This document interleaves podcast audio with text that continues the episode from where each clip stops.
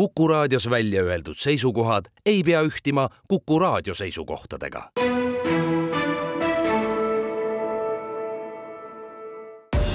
Tartu linnasaade.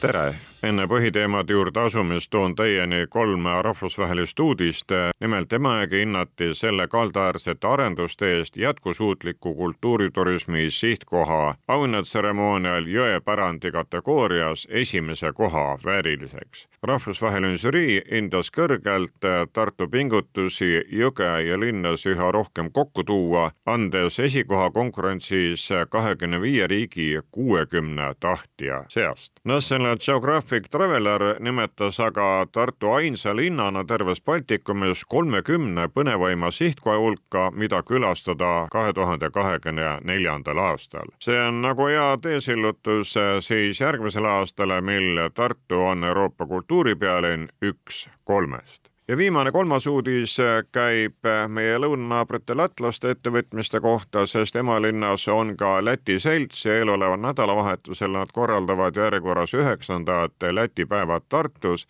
ning arvukate kontsertide ülesastumiste kõrval on võimalik tutvuda ka Läti maitsetega. paarkümmend lõunanaabrite väiketootjat, kauplejad tuleb reedel ja laupäeval Tartu turuhoonasse et äh, siis äh, oma tooteid ja saadusi pakkuda ning äh, ka müüa. mõlemal päeval lööb seal lood lahti ka Läti rahvamuusika ansambel Selene tänased pikemad jutud tulevad aga linnaruumi ümbermõtestamisest ning energeetikast, seda sellepärast, et Tartu Raad on võtnud nõuks siis otsida paremat tasakaalu liiklejate vahel ning eeloleval esmaspäeval on ka avalik arutelu Tartu uus linnaarhitekt Siiri Tintera. eks ajas liiklemismoodused ja viisid muutuvad ja nüüd on vaja siis otsida, kuidas kõik omavahel paremini klapiksid, jaguks ruumi ja oleks ohutu ja tervislik tegelikult see peaprobleem on see, et meil on kesklinnas mõned tänavad mille funktsioon on allutatud lihtsalt sellele, et te saaksite kiiresti autoga ühest punktist teise punkti. aga selle tulemusena kõik teised tänavafunktsioonid kannatavad, nendel tänavatel on väga keeruline elada, seal on väga keeruline mingi mõistlikku äri pidada, sest seal on sellest liikluses tulenev mure ja, ja tolm, inimesed valdivad need tänavad jalutamiseks või rattaga sõitmiseks. kui te sõidate seal autoga, siis teil ei ole kus peatuda ehk ehk äh, nendel äridel ei saa seal tekkida kliente, sest kui see seal keegi ei jaluta, autost ei saa valida, no siis keegi sinna poodi ei astu. ehk see peamine põhjus, miks me peame mõned äh, Tartu kesklinna tänavad ümber tegema, on just see, et taastada need algsed funktsioonid, mis nendel oli veel viisteist, kolmkümmend aastat tagasi, kui see äh, liiklus oli palju väiksem kui nüüd tänava laiust ju muuta ei saa, nüüd on küsimus, kui palju anda seal autodele, ratturitele, jalakäijatele ruumi ehk milline on see ümberjaotus? me ei tea veel, me alles hakkasime projekteerima, valmivad esimesed eskiisid, need eskiisid me arutame ka kohalikute inimestega, kõikide huvitundjatega. meie eesmärk on ümber kujundada seda äh, ruumi niimoodi, et äh, liikluse kiirused oleksid vaiksemad. kui te liigud autoga mitte nii kiiresti, siis mure on vaiksem, tolm on ka vaiksem seda saab saavutada näiteks selle kaudu, et sõidutee laius on, on ka vaiksem, et sõiduteed on kitsamad. kui me teeme sõiduteed kitsamad, siis meil jääb rohkem ruumi nende teiste asjade jaoks, me tahaksime, et nendel tänavatel oleks rohkem kõrghaljastus, et seal talvel ei oleks nii tuuline ja suvel ei oleks nii ere päike. kui meil on rohkem ruumi, siis me tõepoolest saame ka sinna need jalgrattateed eraldatud kavandada. me tahaksime nendele tänavatele panna ka näiteks näiteks pinge, et inimesed, kellel on liikumine juba raskendatud, et nad, nad saaksid vahepealt oma jalgu puhata, ehk terve see ruum peaks taastama neid funktsioone, mida need tänavad kandsid veel mõni, mõni aeg tagasi kui tuli päevakorda Tartu ühe peatänava, Riia tänava ümberkorraldamine, et teha sinna eraldi ratturite rada, siis kohe hakkas tulema kõnesid ja vastureaktsioone, et noh, nüüd ega siis autod ei kao linnast ära, nad tulevad lihtsalt kõrvaltänavatele. Otsivad seal sõitmis- ja parkimiskohti. et kas on ikkagi mõttekas, arvestades selle, et Riia tänaval on ka kiirabipolitsei, seda ümberkorraldust teha. lühidalt, mõtteid on palju, kuid praegu siis on linnavalitsus asunud neid esimesi samme tegema ja kutsub ka rahvast kaasa mõtlema ja ütlema, kuidas Tartu linnas peaks olema see avalik ruum liiklejate vahel jagatud? Nii ongi, see peamine mure, millega me tegeleme, on see, et kolmkümmend aastat tagasi peaaegu kõik linnasisesed liikumised olid kas ühistranspordiga või jalgsi, autosid oli vähe. veel viisteist aastat tagasi ainult kolmandik inimestest liikus äh, linna sees äh, autoga see aasta on murranguline, sest me esimesel korral saavutasime, jõudsime olukorda, kus iga teine liikumine linna sees, ma ei räägi mingitest pikkades sõitudes, aga linna sees toimub autoga. ja need prognoosid, mis meil on, ütlevad, et viieteist aasta pärast on see juba seitsekümmend protsenti, kui me ei muuda mitte midagi linnas kus, kus seitsekümmend protsenti inimestest liigub ainult autoga, ei ole ruumi mitte millegi muu jaoks kui sõiduteede ja parkimiskohtade jaoks, sest äh, kui me tüüpiliselt läheme kodust tööle, äh, viime äh, lapsi lasteaeda, siis läheme veel poodi ja teeme kõik seda autoga, siis lisaks sellele, et meil on vaja neid sõiduteid, siis meil on vaja ka neli parkimiskohta. meie parkimisuuring, mis just valmis, näitab, et me juba oleme jõudnud olukorrani, kus meil on linnas peaaegu sama palju parkimiskohti, nagu on kortereid ja sellises linnas, kus on kõik avalik ruum allutatud ainult äh, auto liiklumise vajadustele, sellises linnas tegelikult mitte keegi meist ei taha elada. ehk meil on vaja mingi muutus. muutused on alati valulised, neid ei saa teha kiiresti, neid tuleb teha targalt ja läbimõelnud ja me oleme selle protsessi tõepoolest alguses. aga, aga see suund, kuhu me tahame minna, on see, et linna sees inimestel oleks mõistlikum, mugavam ja meeldivam liikuda kuidagi teistmoodi kui autoga. Sini Tentara, plaanid on siis äh, linnavõimul tehtud, esmaspäeva õhtul on ka avalik arutelu. kui kaua on teil aega veel mõtteid vahetada, millal peab otsus sündima, milline on siis lahendus Tartu kesklinnas nende liiklejate ruumijaotuse vahel? meil on hetkel päris mitmete tänavate eskiiside koostamise äh, protsess käimas. Neid on kuus või seitse tänava ja me hetkel saame esitada need esmased kavandid, kuidas see tänav võiks äh, välja näha. Need saab loomulikult pärast äh, muuta nende arutelude tulemustena. me nende eskiisi lõpetamiseni tahame jõuda lähikuudel. meil seetõttu, et meil on ka riigipoolne rahastus ja me peame need taotlused sinna esitada. aga tegelikult seda päris äh, lahendus me saame alles siis, kui me hakkame need tänavad päriselt projekteerida. Ehk nendest järgnevatest etappidest L-projekti ja põhiprojekti koostamise etappides, aga need võtavad Äh, veel väga palju aega. me ka ilmselt ei tee kõik need tänavad korraga, sest siis see oleks nagu Tallinnas, kus kesklinnas ei olnud võimalus üldse liikuda, ehk seal tuleb läbi mõelda, millised on need prioriteedid. Ja kõik see võtab veel aastaid, ütleme Te tulite Tartusse tööle Valgast äh, ning sattusite kohe nende muutuste tuultasse. see on ühele ametimehele suur väljakutse. nüüd Valgas olid ühed probleemid, Tartus on hoopis teised. on, mille kallal kohe hakata pead murdma ja koos äh, tartlastega mõtlema, millised võiksid olla uued lahendused? jah, põnev on, ma, ma tunnistan seda, aga Valgas oli ka põnev. ma naudin hetkel just seda, et, et, et ma saan nende suurte äh, muutuste sees, äh, et mul on äh, nende suurte muutuste sees ka oma rolli. Need, need kõige suuremad asjad, millega me hetkel tegeleme, on tõepoolest nende tänavate avaliku ruumi ümberkujundamine, millest me rääkisime, aga käimas on ka sugu väljaehitamise protsess, mis on sama oluline ja sama keeruline ja suur ettevõtmine milline see lõpuks see minu panus ja roll saab olla, seda saab näha alles tulevikus Tartu linnasaade. Radilvana sõjaväe lennuväljal on Estika Energia pannud püsti siis oma päikesejaama aluse. Ain Tammere, kui suur see jaam peab tulema, millise võimsuse? jah, me oleme siin seda ehitamist just alustamist ja täna selline pidulik sündmus, kus me tahame siis lüüa ühe sümboolse nurgavaia ja tegemist on alaga, mis on sada kuus hektarit, siia me oleme suutnud projekteerida sada megavatti päiksepargi. Täna me oleme hetkel selles esimeses etapis, kus me paigaldame kümne megavatise tootmisseadme osa Te olete seda asja hulk aastaid ajanud, näed, mõte on päris vana, kuid vahepeal ei läinud nii, nagu lootsite. nüüd saite kivi tagant minema noh, võib-olla täpsem oleks nüüd nii, nagu me lootsime, eks me lootsime paremat nagu alati, aga noh, nii nagu igal teel on terve rida takistusi, on tõususid, on mõõnasid, on kurve, on kuristikuservi.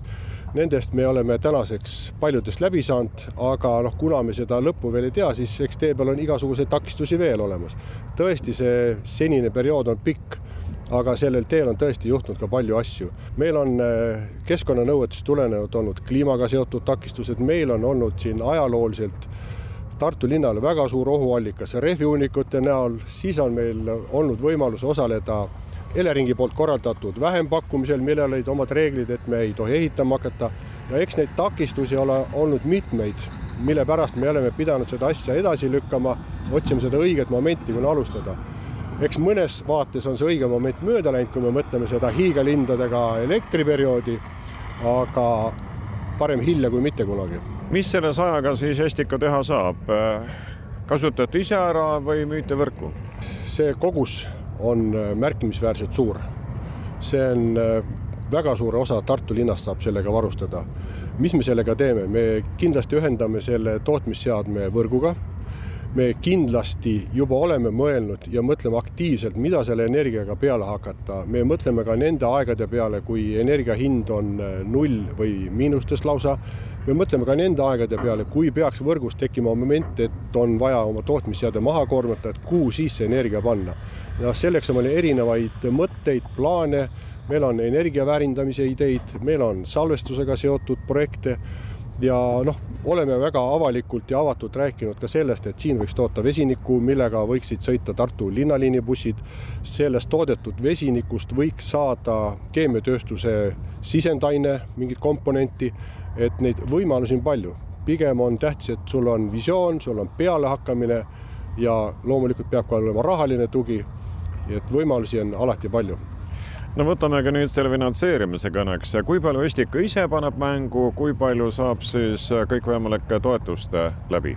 no eks me oleme juba väga suure osa raha mängu pannud, sest me kõik senise tegevuse oleme oma finantseeringuga katnud ja meil on ka kokkulepped finantsasutusega, kes aitavad meil siis kogu seda projekti siin edasi finantseerida kuid vanal lennuväljal ju ruumi on. kas järgmised sada tulevad ka siia või kuhu ka mujale? ruumi on, aga ruumi planeerimise suhtes tuleb vaadata ikkagi ruumi kasutust ja selle tasakaalu. et miks meie just eh, otsustasime ja miks ka riik on otsustanud, et selle koha peal võiks olla päiksepark ehk eh, päikseelektri tootmisjaam siis üks põhjus on see, et meie naabrusest vahetult läheb mööda üks ringtee osa, mida küll hetkel on mõeldud, aga ehitamise algusest ei oska keegi midagi arvata, siis siin on kombineeritud äri, siin on kombineeritud tootmine ja kui te tulete linna poolt Raadile, siis te kindlasti olete märganud, kui aktiivselt toimub elamuehitus. samas on kerkimas ka vanadekodu, on planeeritud eh, haridushooned, et siin on selline kombineeritud süsteem, kus on nii elu kui äri ja äri ilma tootmiseta, ilma elektrita on ka raskesti ettekujutatav. ja kui meie kliimaeesmärk kaks tuhat kolmkümmend on taastuvatest allikast energia tarbimine, siis oleme õigel teel. oma järgmiseid arendusi me ei taha siin selles piirkonnas väga aktiivselt teha, mis on tootmisseadmetega seotud, eks nendel on meil teised kohad ja teised ideed siin nurgakivi panekul on kohal ka professor Lust. no kui Estikomehed olid teie korraldatud vesinikupäeval, teie olete siis nüüd siin päikesejaama juures, kuidas need kaks kokku saavad? no need on nii lahutamatud sõbrad omavahel, et need ei ole mõtet üldse proovida lahutadagi.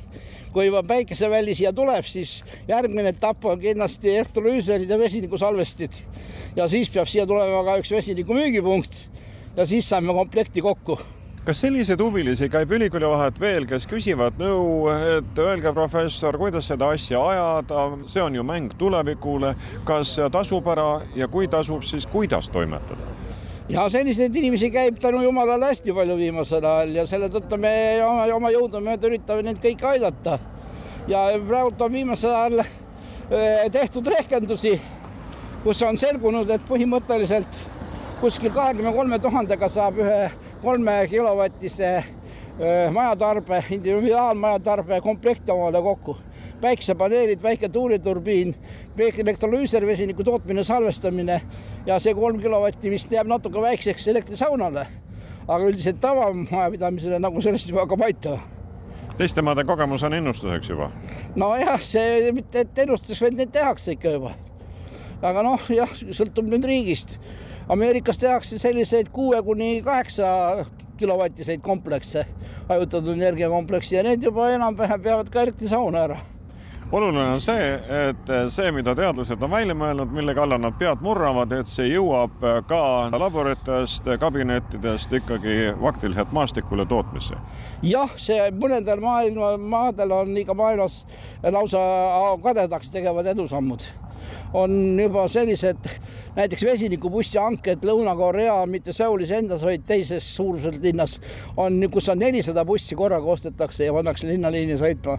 täpselt samamoodi Jaapani sellistes keskmise suuruste linnades ikka ja busside arv, mis läheb kahekümne neljandal aastal liinil on juba üle viiesaja, nii et, nii et vesiniku ja kui, kuna Jaapanis omal selliseid sobivaid loodusressursse, kuhu neid päiksepaneele nagu panna ja tuult panna ei ole, siis nad on teinud austraallastega kokkuleppe, et nad hakkavad Austraaliast vesinikku ostma ja praegu sõidab selline vesiniku kahetonnise laadungiga jaam, tanker õigemini Austraaliast eh, Jaapanisse. Rotterdami linn alustab eh, kogu seda eh, Hollandit hõlmava vesinikud selle trasside rajamise kui pioneer. noh, sellised trassid on juba teatavasti teatud suurtes juppides mitte enam looduslikku gaasist ümber ehitatud, päris spetsiaalsed vesinikutrassid on ju Saksamaal juppide kaupa ja Ameerikas on juba seitse-kaheksa tuhat kilomeetrit neid trasse. nii et see asi on paari-kolme aasta küsimus, kui, kui me võime öelda juba, et teatud riikides on juba täiesti suured sellised sadu ruutkilomeetrid hõlmavad vesinikuklastrid olemas Linnar Seli, kui vaadata nüüd Estiko energiakasutust ja tootmist laiemalt, sest te toimetate nii tööstuses kui kinnisvaras ja mitte ainult Tartus, vaid ka mujal, kas siis selliseid päikesejaamu ehk äh, suuremat äh, kui oma tarbimine on veel kavas püsti panna? eks see praegu äh, meie selline esmane märk ole, et kui me, kuidas me selle nagu tööle saame ja kuidas me rohkem seda väärtustada saame, seda just sellel tippaegadel kui need äh, tootmisest on ülejäägid nagu kõigil ja kõik sõltub ju äh, meie ilmastikust ja, ja noh, nagu tänanegi ilm on nagu märgiline, et et kui täna päike paistab, järelikult meil, me oleme nagu õieti alustanud õigele päeval, et see nurgakivi ja, ja selle panek, aga aga tegelikult jah, on väga oluline ikkagi siin äh, seda salvestada, seda väärtustada sellel moel ja millised meetodid siin tulevad, eks nüüd lähiaegadel siin need suunad võtamegi no tehase katusel on teil esimene kogemus käes äh, päikesepaneelidega nõnda väikeses mahus, aga see on ikkagi sajane jaam, see juba mõjutab turgu. jah, tegelikult äh, kui me selle äh, täismahus tööle peame, siis Tartu vajaduse tegelikult rahuldame ära, aga, aga eks siis sellel perioodil, kui teda tuleb, on, on ka teistel tootjatel ülejääk, aga, aga kuidas me ta väärtustame ja see ongi need uute tehnoloogiate kasutusele võtja, võtmine ja ma arvan, ka kogu terve Eesti selline tulevik on, kuidas me saame oma energeetika selliseks eh, odavamaks teistega võrreldes, et me oleksime konkurentsivõimeliselt igal majandusharul, nii et, et eh, kõik need on nagu eh, keti väiksed lülid, aga tervikuna annab ta meile ju sellise pildi ja tugevuse, et, et meid ei kõiguta ei naabrid, ei, ei vaid me oleme ise oma asja peremehed kallid kuulajad, täna rääkisid teiega Tartu linnaarhitekt Shiri Tintera, Estika Energia tegevjuht Ain Tammvere, Tartu Ülikooli Keemiainstituudi direktor professor Enn Lust ja Estika Grupi nõukogu esimees Neinar Seli. Neid käis usutlemas Madis Ligi. aitäh kuulamast, olge terved! Tartu linnasaade